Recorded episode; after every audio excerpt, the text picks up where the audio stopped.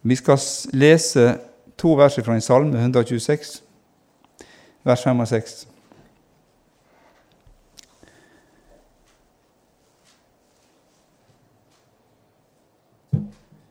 Og der står det sånn De som sår med tårer, skal høste med jubel. Den som alltid går ut og bærer såkornet for å så, den skal sannelig komme tilbake med jubel og bære sine kornbånd. Altså Her er snakk om å så, er snakk om å høste, er snakk om tårer, og er snakk om jubel. Og eh, Det skal handle litt om tårer her i kveld. Ja, men Det er ikke tøft å gråte, sier du. Nei, vi guttene vi liker ikke så godt å gråte, vi. Men det er godt å gråte av og til.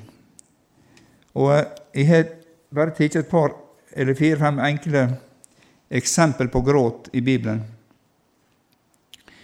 Og Det første jeg tenker på her, det er Jesus. Han gråt. Det er Bibelens korteste vers. Da han kom til Lasarus sitt hus, og de fortalte hva Lasarus lå, han var død, så står det 'Jesus gråt'. Jesus gråt. Vi leser om kong David. Han gråt over Absalom da han fikk dødsbudskapet. Gutten var død. Og det som er Hanna, som var barnløs. Hun ba til Gud og gråt heftig, står det i sorgen over at hun ikke hadde barn.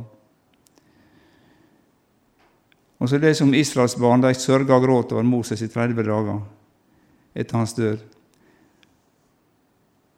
Og som jeg tenker på, Bare som en liten parates ved siden av Moses han, Synet hans var ikke sløva, og krafta var den samme, var 120 år. Noe å seg etter for oss. Esekias, da han fikk bud ved profeten at han skulle dø, skulle beskikke sitt hus, han skulle dø, så snudde han seg opp mot veggen, han lå i senga og så gråt han. Noe eksempel på dette med gråt. Og Dette var tilfeldig valgte personer. Jeg tenker også på, Det kom på når jeg satt her i, i, i benkene i stad. Josef, da Benjamin kom, yngstegutten, måtte han inn i et rom og gråte, så ikke jeg så at han gråt. Han fikk yngstebroren ned der til Egypten. Og Jeg har en tanke med det som er, dette her med så med gråt og høste med fryderop. Og jeg tenker at eh, hvis vi hadde spurt han eldste broderen som sitter her i dag, gjennom livet, hva han har vært med gjennom, og hva som har vært kjempa fram i gråt, i bønn, så er nok ikke lite, det. Det gråter over de som ikke er frelst. Jeg vet ikke om dere så det oppslaget med Sten Sørensen som hadde det sto til og med at de hadde gitt opp at gutten skulle bli frelst. Så kom han og ble frelst. Han fikk døpe sin egen sønn. Bønnebarna. Dette her må be for de som er utafor. Man ber med gråt. Jeg vet også at mine foreldre gråt når det var for oss som var ufrelste gutter. Du sår med gråt, og du høster med jubel eller med fryderop, som står. Den som alltid går ut og bærer såkornet for å så, den skal sannelig komme tilbake med jubel og bære sine kornbånd. Når det er sådd, så, så, så, så spirer det og gror sjøl, og så bærer du kornbånda. Da er det høst. Disse personene som vi valgte her, var tilfeldig valgte personer, og Jesus han var inne i sammenhengen her. Og Jeg skal ikke gi meg inn på å forklare eller tolke hva som skjer hos et menneske på det indre plan når man gråter. Det må være forskjellige ting. Men i alle fall er det en reaksjon på noe som skjer i oss pga. ting som skjer rundt oss. Og, og gråte det kan ofte være godt. og Tor Oljemark han sa at det, å gråte, gråte sånn, det er mentalhygiene. Mentalhygiene på det indre plan. Når du gråter, så kjenner du at det, det letter. Stemmer det? Opplevd det? Det letter situasjonen din. Du får gråte ut. Jesus gråt. Da kan også vi gråte. Du kan også sitte i et møte under ordets forkynnelse, og du veit ikke hva som skjer. Plutselig så renner tårene. Jeg opplevde det. Jeg kan ikke forklare hva det er for noe, men det er åndens, åndens innvirkning på oss. Og Du kan også høre uttrykket at de gråt av glede. Det går også an. I Markus 14 så leser vi en mann som også gråt. Og han, Denne mannen her han er skuffa over seg sjøl. Du vil etter hvert finne ut hvem det er. At ikke han var sterkere, skuffa over at han svikta Jesus. Ut fra det som jeg leser som tolkning, at han er skuffa over det som har skjedd. Og Jesus sa på forhånd at dette ville skje, men likevel trodde mannen at dette skulle han fikse greit. Men han er inne i yppersteprestens gård, blant tjenerne.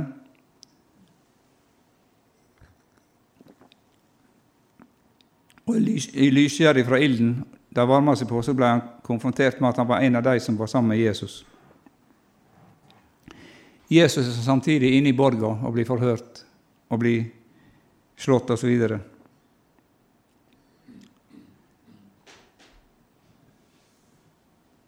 Presset på denne personen det øker, og til slutt så blir fornektelsen det går over i bannskap. Så oppdager han plutselig at det er en hane som gikk gal to ganger. Og han sjøl fornekta Jesus tre ganger. Og det var jo det Jesus sa. Det var akkurat det Jesus sa. Jeg fiksa ikke det. Jeg greide ikke det. Så står det da mintes det brast han i gråt. Han hadde svikta så totalt. Vi snakker om Peter, Simon Peter en av de mest framtredende og betrodde disiplene til Jesus gjennom tre år. Og Jeg bruker å si det her, og det, det er jo min måte å si det på. at Peter han var oppe til muntlig eksamen. Han strøk i sammenhengen. Vi skal skru tida tre år tilbake. Og Vi leser at Jesus han kommer til Galilea og forkynner evangeliet om Guds rike. Og For noen fiskere i området så starta denne dagen som en helt vanlig dag på jobben. Men noe helt spesielt vil skje, noe som vil få konsekvenser for deres liv og framtid. Og Jesus han kommer gående langs Galileasjøen, så får han øye på to karer i en båt. Og De holder på å kaste not i sjøen. Så sier Jesus til dem, 'Følg meg, så skal jeg gjøre det til menneskefiskere.' Og Det forunderlige var at de fulgte etter han. De forlot det de holdt på med, og så fulgte etter han. Og det er noe spesielt med denne mannen som kommer der, og som de på en måte hører stemma til, som gjør at de bare må følge han.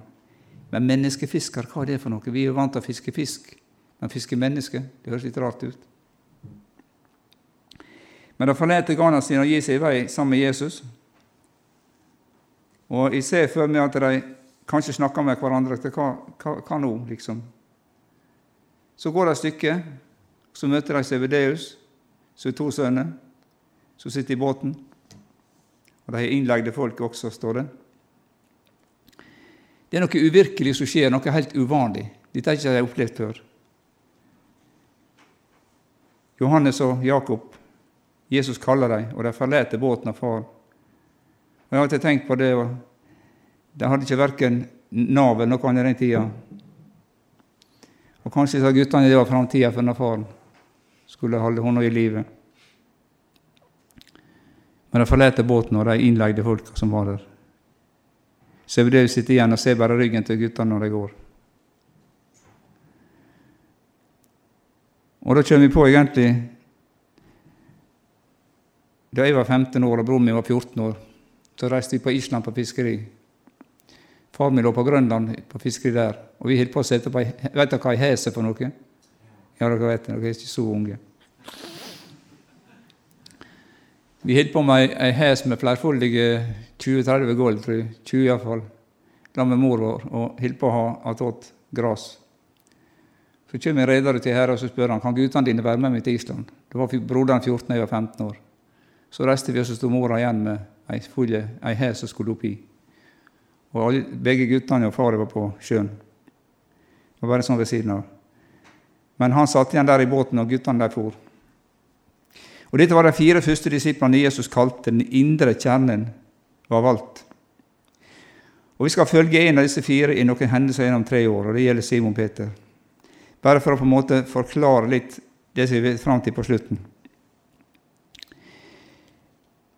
Det er et uttrykk som man bruker, at du får en bratt læringskurve. og Det fikk altså disse disiplene. Allerede sabbaten etter kallet så var de i synagogen sammen med Jesus. Der Jesus konfronterer og driver ut onde ånder fra en person. Og det er ikke noe spøk. Deretter bærer de hjem igjen til Simon og Andreas i heim der Simons svigermor ligger i feber. Jesus han går inn, og så tar han dama i handa, så reiser han opp. Du er fri, du er frisk. Hun står opp og tjener deg. Feberen forlater henne og er fri.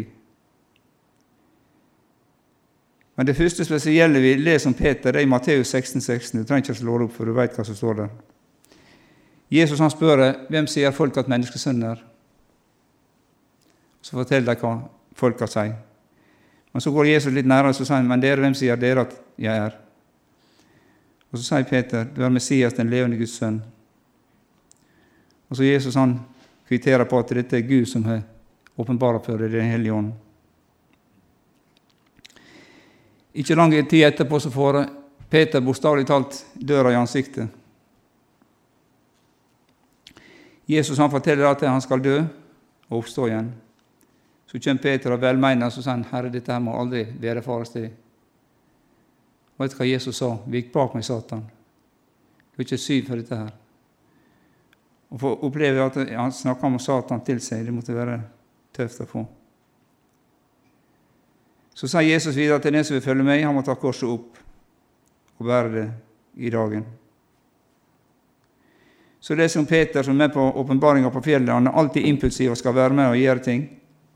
Peter, Jakob og Johannes er med Jesus på fjellet. Og De får se Moses og Elias der. Og Peter begynner å bygge hytte med en gang. Men plutselig så er det bare Jesus igjen der. Jeg så Jesus alene.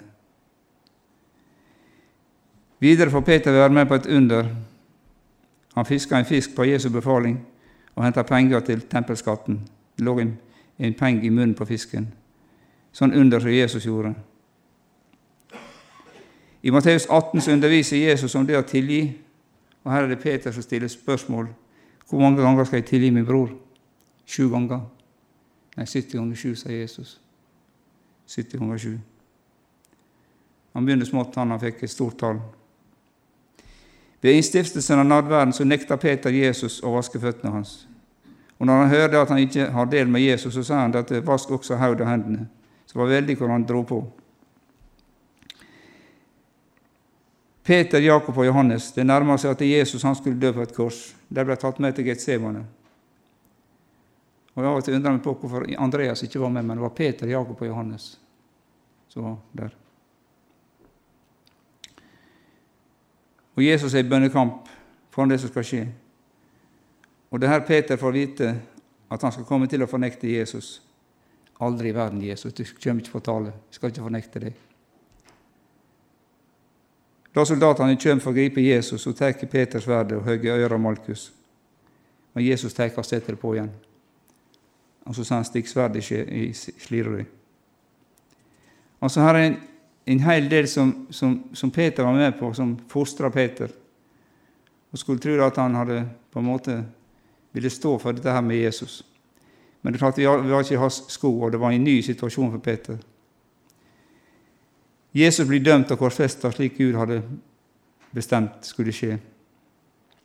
Og Bibelen sier at han døde til fastsatt tid for ugudelige. Og det er vår redning, venner. Han døde til fastsatt tid for ugudelige. Neste gang vi hører om Peter, det er da Maria har vært ved grava til Jesus om morgenen før det var lyst. Grava var tom, kom beskjeden tilbake. Peter og Johannes får beskjed og løper til grava med det samme. Og En annen plass i Markus leser at Maria møtte en mann inni grava som sier at Jesus skal møte dem i Galilea. Og Her er det at Peter får en spesiell hilsen. Og Jeg tenker på Jesus. Han var, han var fantastisk. De fire evangelistene skriver litt forskjellig om hvordan Jesus åpenbarte seg etter oppstandelse, men i alle fall to ganger møtte han disiplene der Thomas ikke var med den første gangen. Slå opp i Johannes 21, så skal vi ha det åpent lite grann.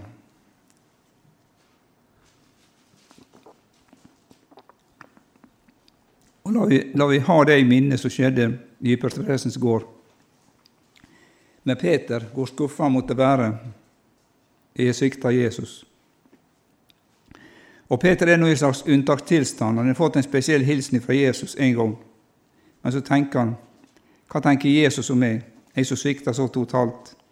Hvordan ser Jesus på meg nå? Han som ble betrodd så mye gjennom tre år, han svikta til slutt.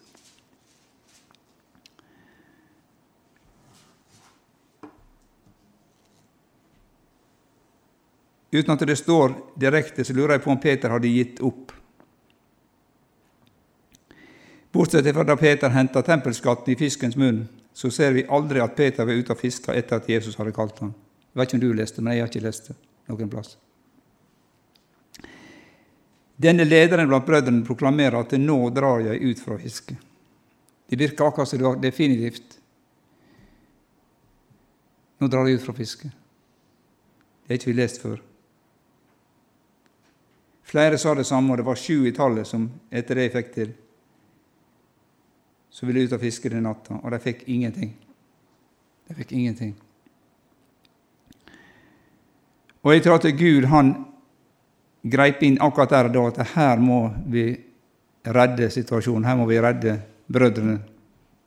Og Jesus kom i den timen. Det står en annen plass at Jesus kom i den fjerde nattevakt. I en annen situasjon. Men her kom altså Jesus inn i denne situasjonen her. Peter han var, hadde vært ute med båten, ingenting fått. Nå er det Gud som er initiativ, nå er det Gud som er regien. Det er morgen, kanskje er det grålysninger kommer inn. Ingen fiskefangst. Men så ser de en mann inne på stranda. Det er en mann. Det er ikke en av våre. Jesus sier, 'Barn, har dere noe å spise?' De svarer nei. Vi har ikke fått noe. Så sier Jesus, 'Kast garna på høyre side av båten.' Og jeg tenker på det ikke store avstanden fra høyre til venstre på en båt, uansett. Men de gjorde som Jesus sa, og fangsten var formidabel. Det var svær.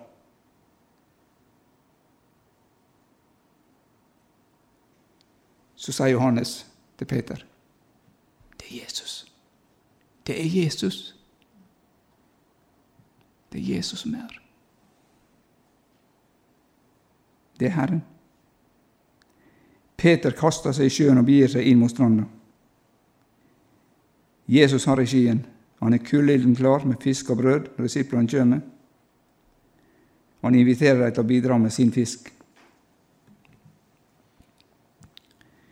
Kom med noe av fisken de nettopp har fått, sier Jesus i vers 10.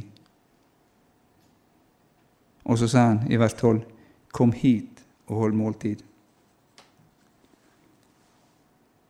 Ingen av disiplene våger å spørre han, men alle vet at det er Herren. Og jeg tenker på Han har ennå ikke henvendt seg spesielt til Peter. Hva han må tenke, hva han må føle. Jeg fikk en hilsen, men Jesus virka ikke sånn at han måtte snakke med meg spesielt. Men det er ingen bebreidelse hos Jesus i denne settingen her. Det har aldri vært noen bebreidelse hos Jesus.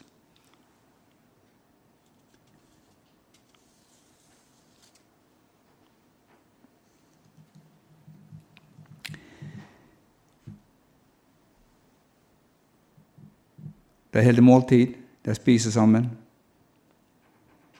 Og så at Jesus henvender seg til Peter. Nå er det hans tur.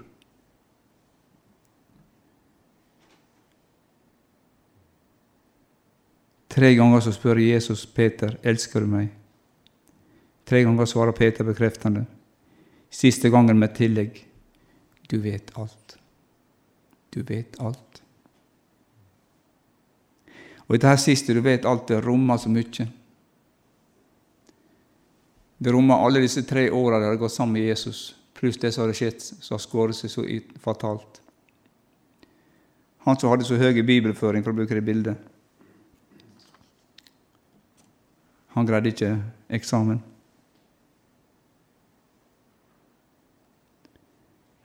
Det Jesus sa ved Galileasjøen, sa han her på nytt i vers 19 og 22.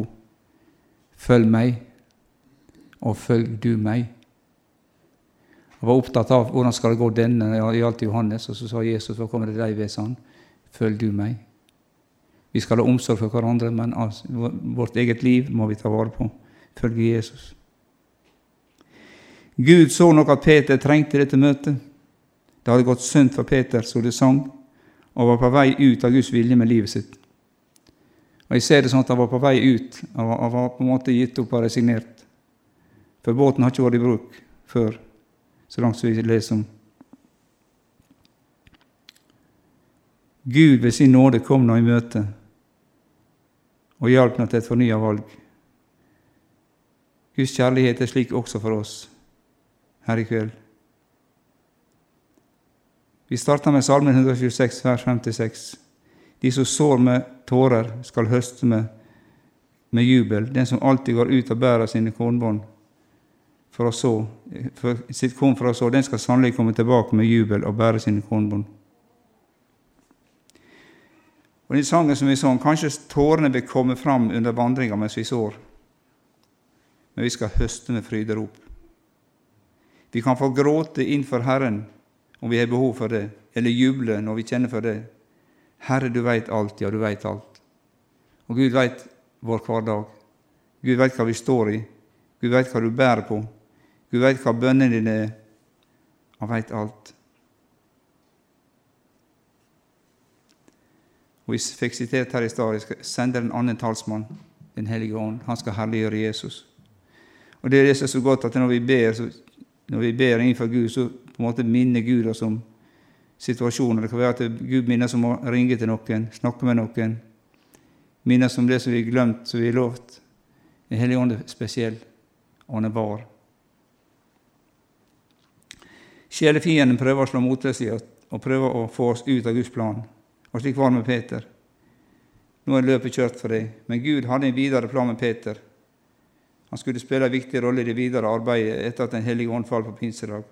Og vi veit hva Peter betydde både for jøder og hedninger. Vi veit hvem som sto fram på pinsefestens dag. Det var Peter. Og vi veit for en plogspiss Peter var. Det var viktig å redde Peter ut av den situasjonen han var. Og så kom Jesus sjøl personlig og kalte det på nytt. Han gikk opp til fornya eksamen og sto. Han sto. Det var mesteren sjøl som stilte spørsmåla. Han sto til eksamen til slutt. Det var Guds nåde. Han opplevde nåden, venner. Og det vi kjenner vi opplever nåden, det er godt.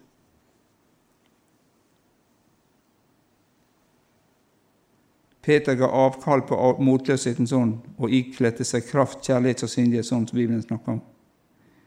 Og Slik er det også i ditt og mitt liv. Gud har en plan for oss, der gjerningene ligger ferdig for oss. Derfor er det viktig at vi hører på den riktige røsta, Han som sier 'følg meg'.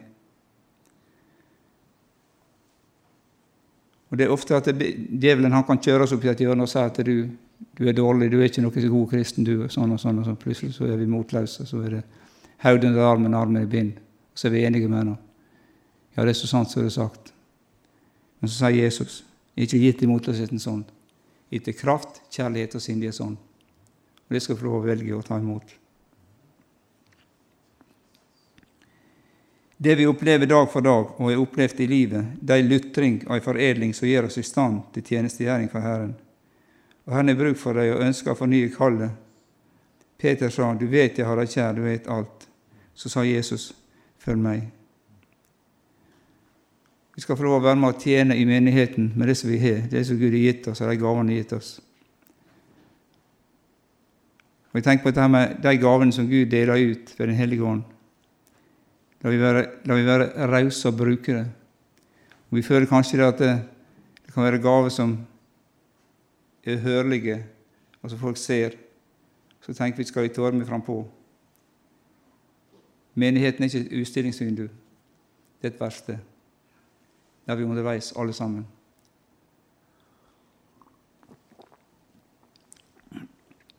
Og selv om kjøttet vårt liker å prestere som andre ser og andre hører, så er det ikke det som teller.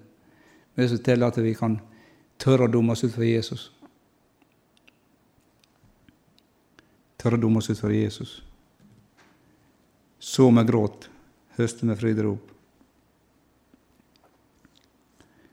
I år er jeg potet i jorda for første gang på mange år. Og så var noen som sa at du, du kan ikke ha mandelpotet i den jorda der. Det går ikke an. Det må være sand. Det er mye myr. Vi fikk sånne mandelpotet, sånne lunger. Vi setter det i tru. Så det går an. Og jeg vil si Det sånn at det er et uttrykk på Sunnmøre så heter det at eh, du kan ikke be om regn så lenge han står på nord. Du vet aldri regn så lenge han står på nord, men Gud kan la det regne om han står på nord. Gud kan regne om han står på sør, på vest og øst, for han er herre over alle ting. Om din situasjon er sånn at du, du kjenner at det her er ikke noen muligheter, så har Gud en plan for deg i ditt liv, inn i din sammenheng. Sånn som han hadde med Peter. Du har kanskje kommet til et veiskille der du kjenner at Skal jeg orke å gå videre? Skal jeg orke å være med videre? Da har Gud en plan for deg. Gud har en plan for deg. En vei videre. Den ønsker han å vise deg.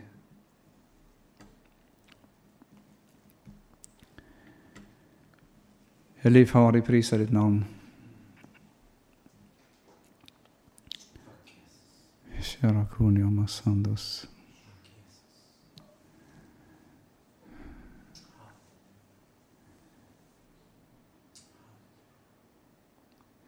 Du er tegna mitt barn i begge mine hender. Den kraft som falt på pinsedag, den blir deg til del. Den hellige ånds kraft er over ditt liv. Du skal få oppleve at det er kampen som du har gått i og stått i, du skal få kjenne at det kommer en ved din side og gir deg avløsning, og skal få kjenne at det går ut i fritt rom. Du skal få kjenne at du får oppleve nåden. Du skal få oppleve tilgivelsen over ting som, ligger, som ligger bak, som djevelen minner deg om. Du skal få oppleve at det er tilgitt synd, det er glemt synd hos Gud. Du skal få oppleve å kjenne at det gir deg kraft, fornya kraft til å gå videre på veien. Styrke til å gå videre. Du skal få lov å slippe å se ned på skoene dine, du skal få se opp til meg og stråle av glede. For jeg har betalt alle synders skyld. Alt det gamle som djevelen greier opp om livet ditt, det skal prøve å legge bak. Glem det som er bak, og strekke ut til det som er foran. Jage mot målet, mot seiersprisen. Jeg har betalt alt for deg, mitt barn. Så skal være i ro i min hånd. Du skal lov å sitte på mitt fang og kjenne min godhet, kjenne fast omsorg.